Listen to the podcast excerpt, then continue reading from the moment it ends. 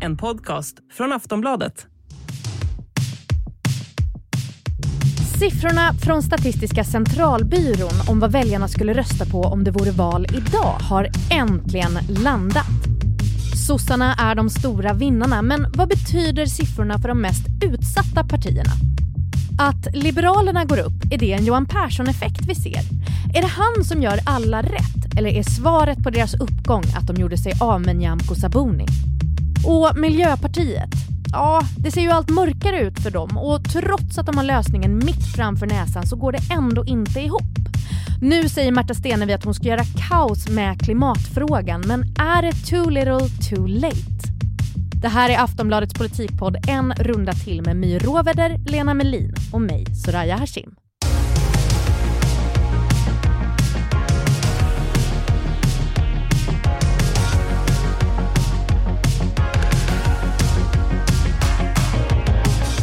My och Lena, hallå. God morgon. God morgon. Det är 101 dagar kvar till valet. Stiger spänningen? Alltså valet har på något underligt vis lite hamnat i bakgrunden av Ukraina-krisen, så man, man vet liksom inte riktigt var det där tar vägen. Mm. Nej, men är inte det lite spännande också? Jo. Att det känns lite som att det kan gå hur som helst, eller? Jo. Um, vi har ju precis lagt tassarna på en av Sveriges viktigaste mätningar inför valet, nämligen Statistiska centralbyråns partisympatiundersökning som kom ut, eh, ja, vad är det nu, en och en halv timme sedan ungefär. Och den ställer frågan, vilket parti skulle du rösta på om det var val idag? Och nu, nu sa jag att den här mätningen är viktig för att ni har sagt det till mig några gånger, men varför är just den här undersökningen så speciell? Ja, den är inte så speciell som den var, eh, men fortfarande så, väck, så väcker den ju alltid viss uppståndelse. Det beror på att det är väldigt många tillfrågade. Det beror att de, den inte är så tillförlitlig beror ju på att bortfallet i just den här mätningen är över 53 procent. Eh, Vad innebär bortfall? Ja, det är de som inte har svarat som hade möjlighet att svara. Jag tycker att det här är en väldigt viktig mätning och den är mycket större än de andra. Alltså sen så blir det ju större om man väger ihop i olika mätningar. Men de här, det finns ju också långa serier och man frågar väldigt många olika saker. Det kommer komma en bibba nästa vecka också, eh, men liksom mer nedbrutet. För vem spelar den här undersökningen roll? Men framförallt spelar det roll för partierna. Eftersom det är en bra bit innan valet ändå så är det ju ingenting, det finns ju ingenting i den här mätningen som säger att det kommer att bli på något sätt eh, som det är här. Alltså det är ju stor del av valrörelsen kvar. Men det är ju psykologiskt när man går in i en valrörelse. Går det bra? Går det dåligt? Vi kommer att prata om siffrorna, men till exempel Liberalerna, jag tror att de ändå har fått en liten skjuts att gå ut där och kampanja, när de har sett att det har gått bättre i den här mätningen än det har gått på ganska länge. Och hur korrekt är den? Alltså hur, hur mycket brukar den överensstämma med vad som faktiskt sen händer i valet? Ja, det kommer det ju kanske inte alls att göra eftersom den är gjord i maj och valet är i september. Men det man kan säga är ju att trenderna i den här sammanfaller ju helt med övriga mätningar. Vi, vi ska gå in på själva resultatet nu. Eh, och det här är ju då sista mätningen från Statistiska centralbyrån innan valet. Visst är den stora grejen med den här undersökningen som kom idag sossarnas ökning? Ja, jag skulle nog vilja säga även Liberalernas ökning. Det verkar vara bra att göra sig av med partiledare. Hugg dem. Eh, vi kommer komma in ännu mer på Liberalerna, men, men sossarna går ju starkt framåt. De landar på 33,3 procent, vilket är en ökning på 4,2 procentenheter sedan förra mätningen då, som var som sagt i november. Är ni förvånade över den här ökningen?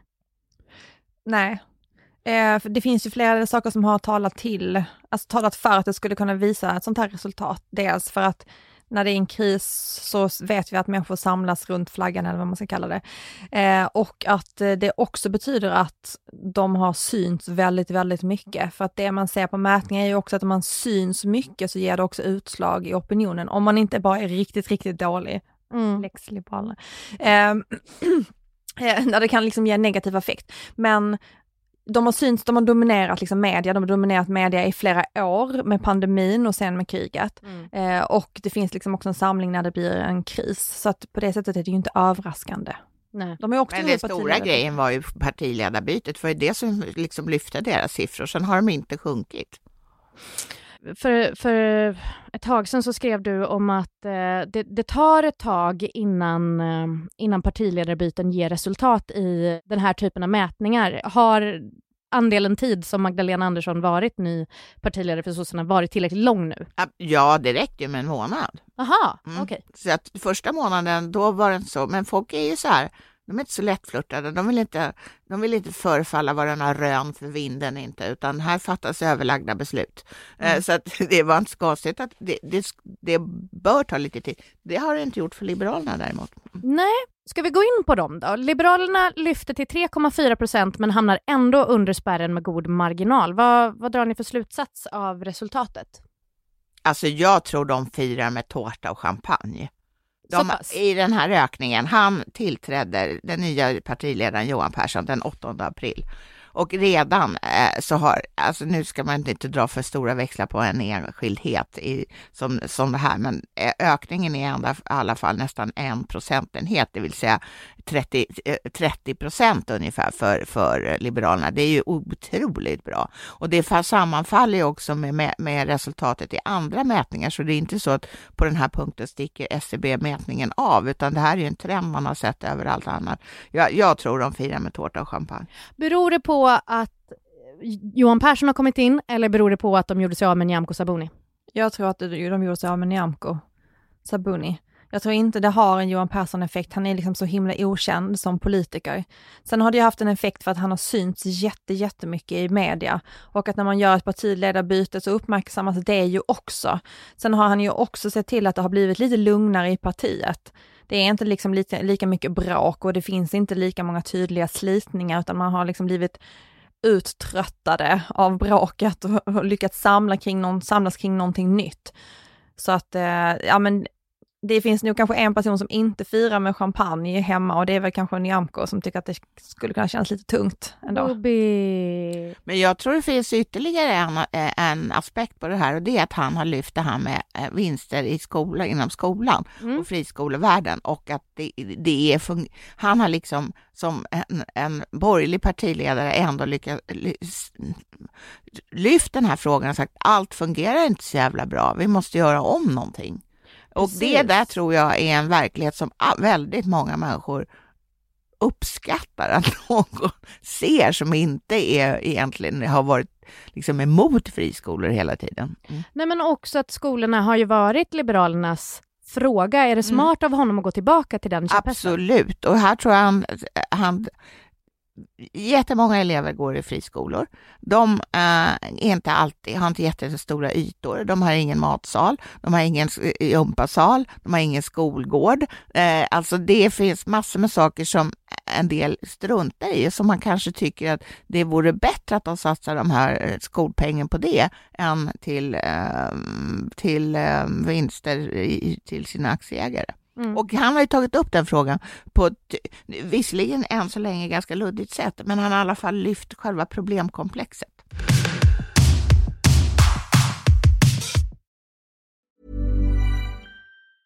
Summer's just around the corner, so give your body the care it deserves with Osea's best-selling Andaria algae body oil.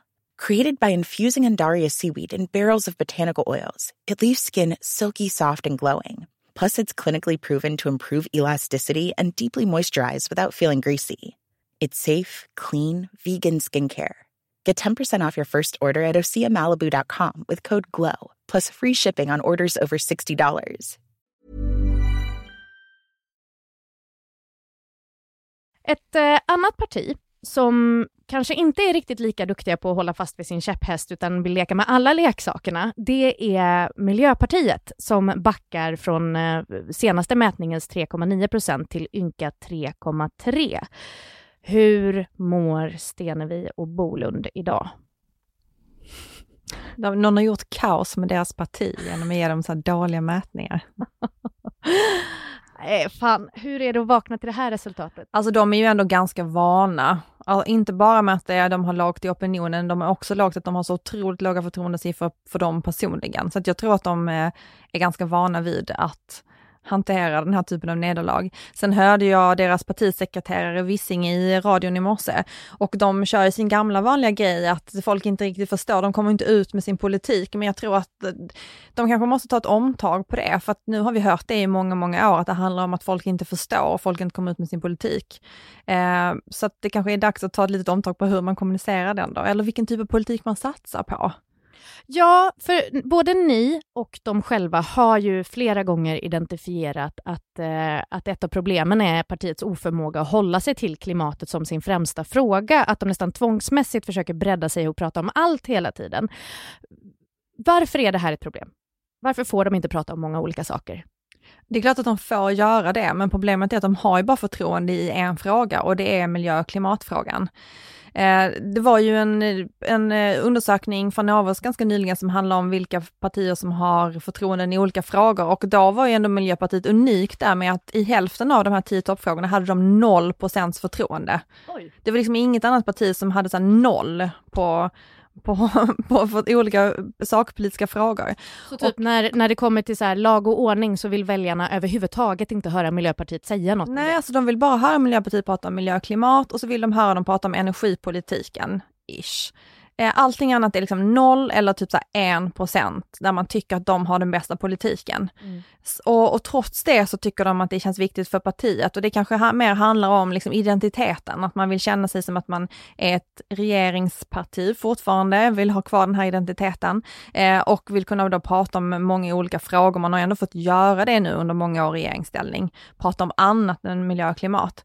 Men de blir ju inte heller belönade av väljarna av att över den här breddningen, vilket Nej. också är en slutsats som själva drar efter varje val. För jag, jag har väldigt svårt att begripa det här. FNs klimatpanel sa senast i april att vi bara har tre år på oss att vända kurvan av koldioxidutsläpp. Alltså klimatet är en uppenbart akut fråga, det vet vi ju allihopa. Varför kan inte Miljöpartiet bara hålla sig till klimatfrågan då?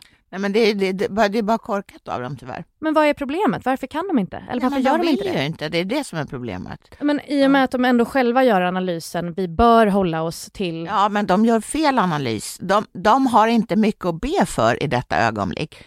Håll i det halmstrå ni har i våra mätningar så har de inte 0 procent. Vi undersöker 12 olika om, områden, utan mm. de har ju då, ligger runt två. De ligger näst sist eller sist i sju av de 12 undersökta områdena. Parti, väljarna tycker de har en usel, usel eh, politik på dessa områden. Men på ett område utöver miljö och klimat, som, där de sticker ut lite grann, de ligger så att säga i mittfältet, det handlar om invandring och där har vi de, så att säga, de, de står ju, är ju för en generösare invandringspolitik än vad de flesta andra partier i riksdagen är.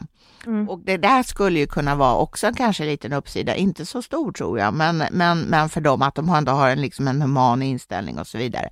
Men de lyckas ju inte slå mynt av sina starka sidor, det är ju uselt.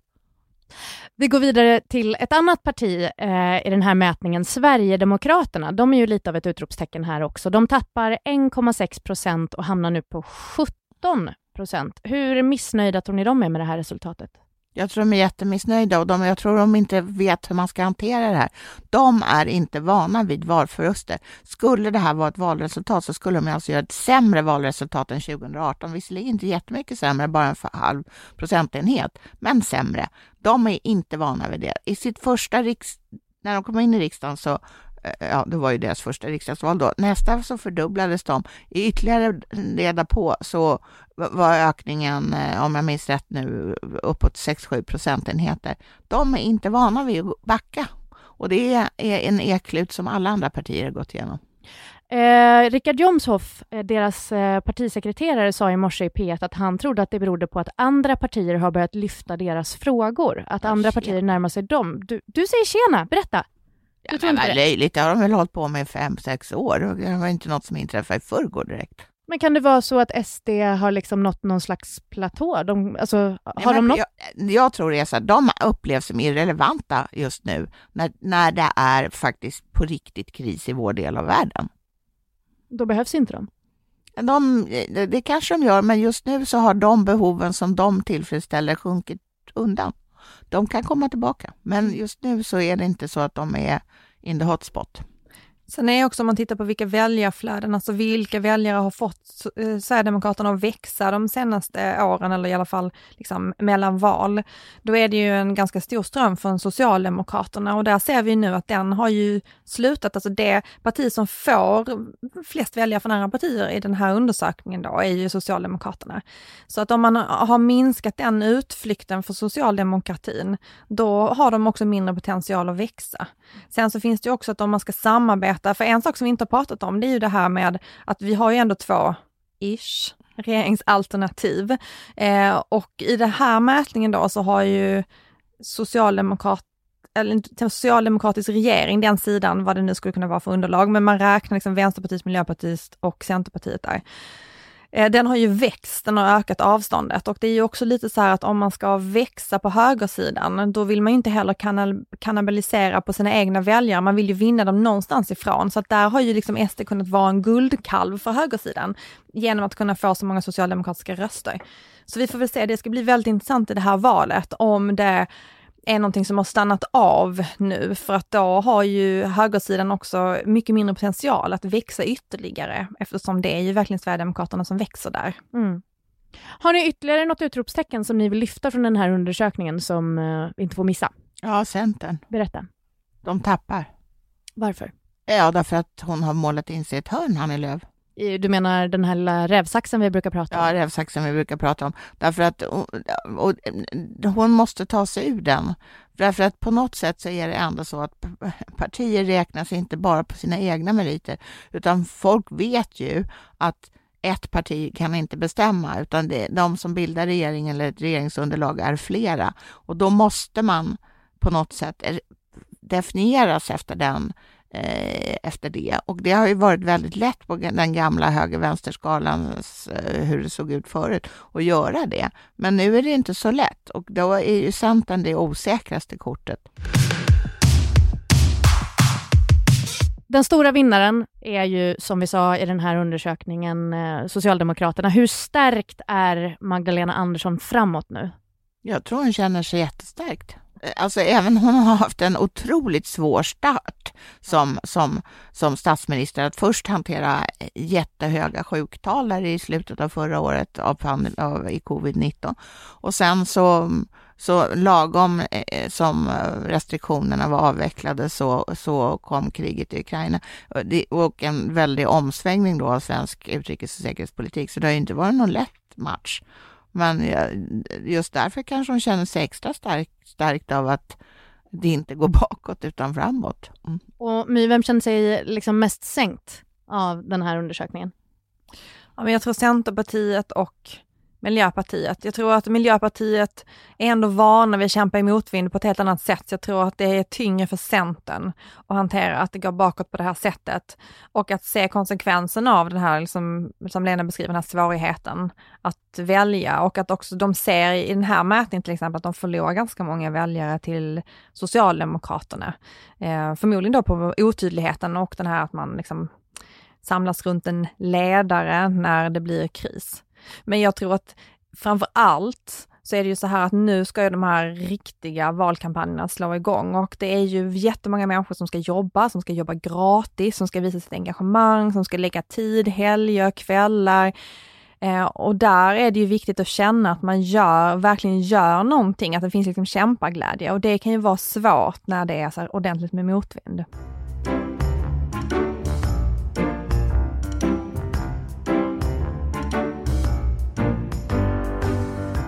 Helgen hade Miljöpartiet valupptakt och eh, vad överlevde från den? Var det politiken? Var det engagemanget? Nej, det var att språkröret Märta Stenevi sa så här. Vi ska in i alla rum där beslut fattas och göra kaos med alla som försöker hindra klimaträttvisan. Vilket... Eh, ni skakar på huvudet. Jag, jag orkar snart inte höra den här fler gånger. Och eh, Per Bolunds nervösa skratt bredvid, jag hade också blivit nervös. Okej. Okay. Han som skrattar, jag har funderat på vem det var som bara Det här ledde ju till att hon i en intervju i P1 får svara på frågor om vad hon egentligen menar med kaos. Ska hon ta till våld? Då svarar hon så här. Eh, Jag är 46 år gammal och har fem barn hemma. Så eh, jag tror inte att folk på allvar eh, förknippar mig med våld. Vad hon egentligen vill säga är att hon är 46 år gammal. Hon har inte sett det här ursprungsklippet så hon vet inte vad han pratar om. Nej, det kommer ju från det här gamla, vad är det, 12 år gamla virala klippet eh, Laserturken, när det är en kille i en bil som letar efter eh, eh, Peter Mangs heter han va? Eh, Malmös eh, laserman och säger att han ska klippa tung av honom. Hur reagerar ni på hela den här göra kaos med?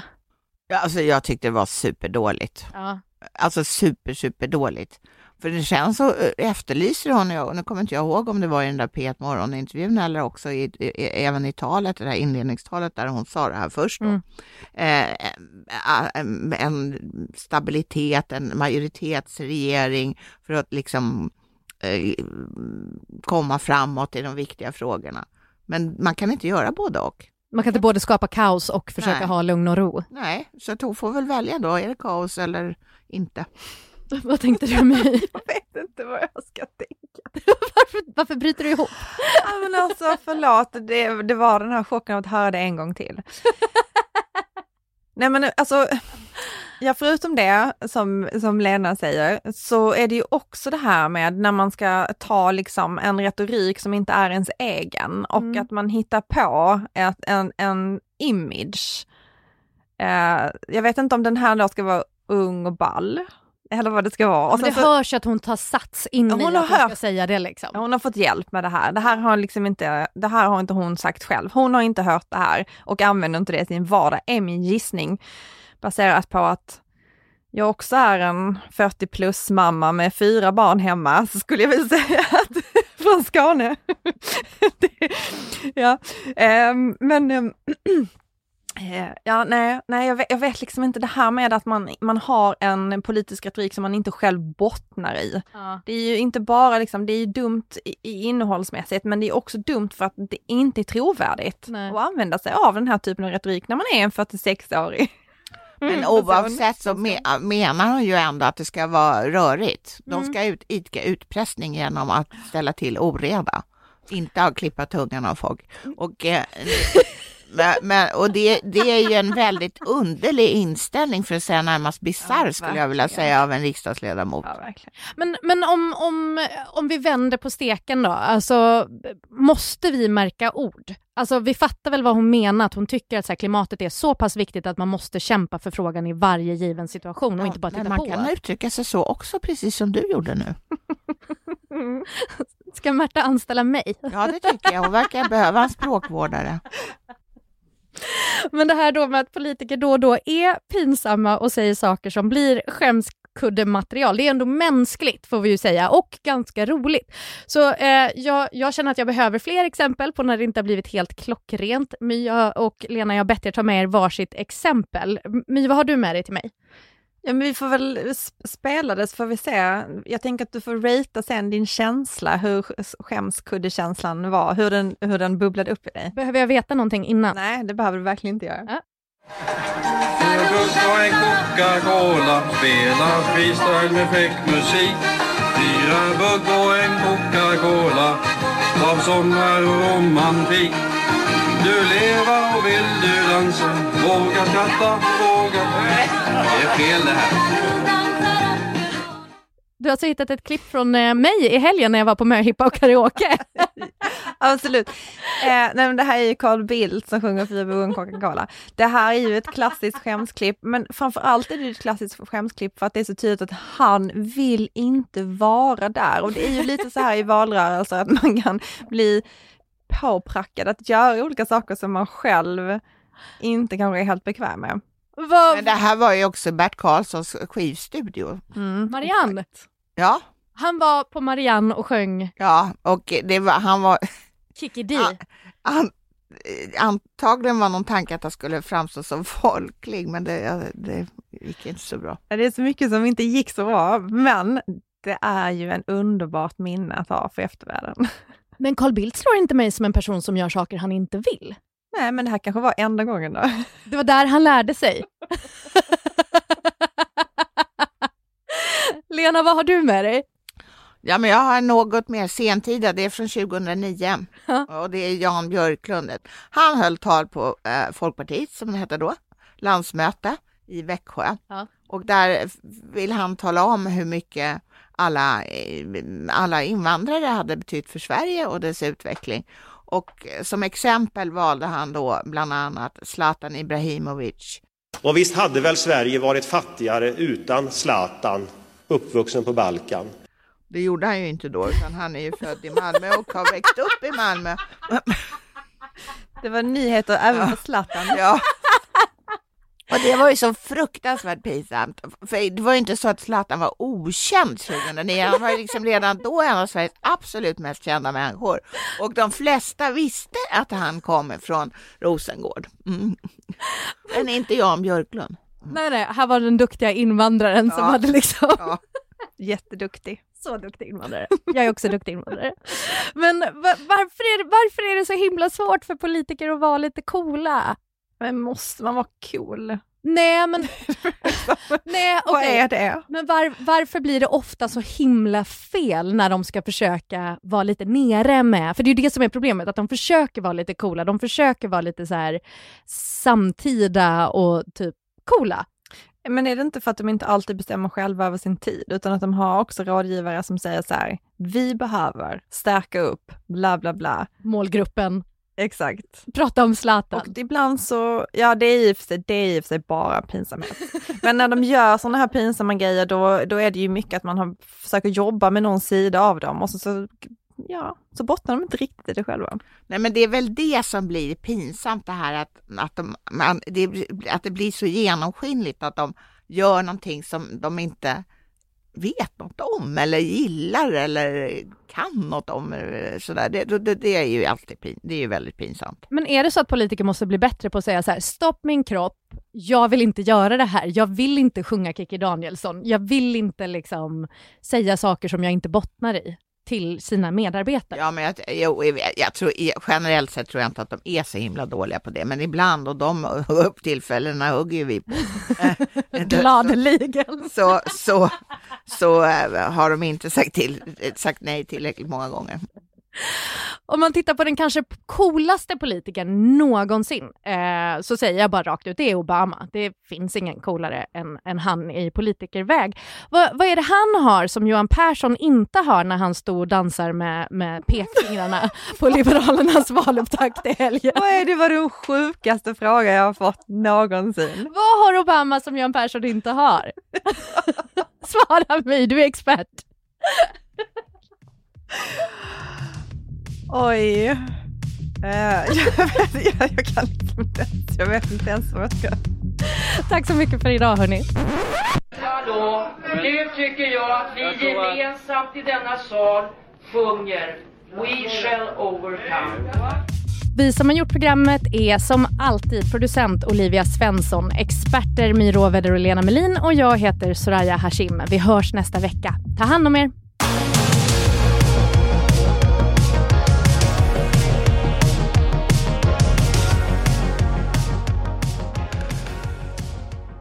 Du har lyssnat på en podcast från Aftonbladet. Ansvarig utgivare är Lena K Samuelsson.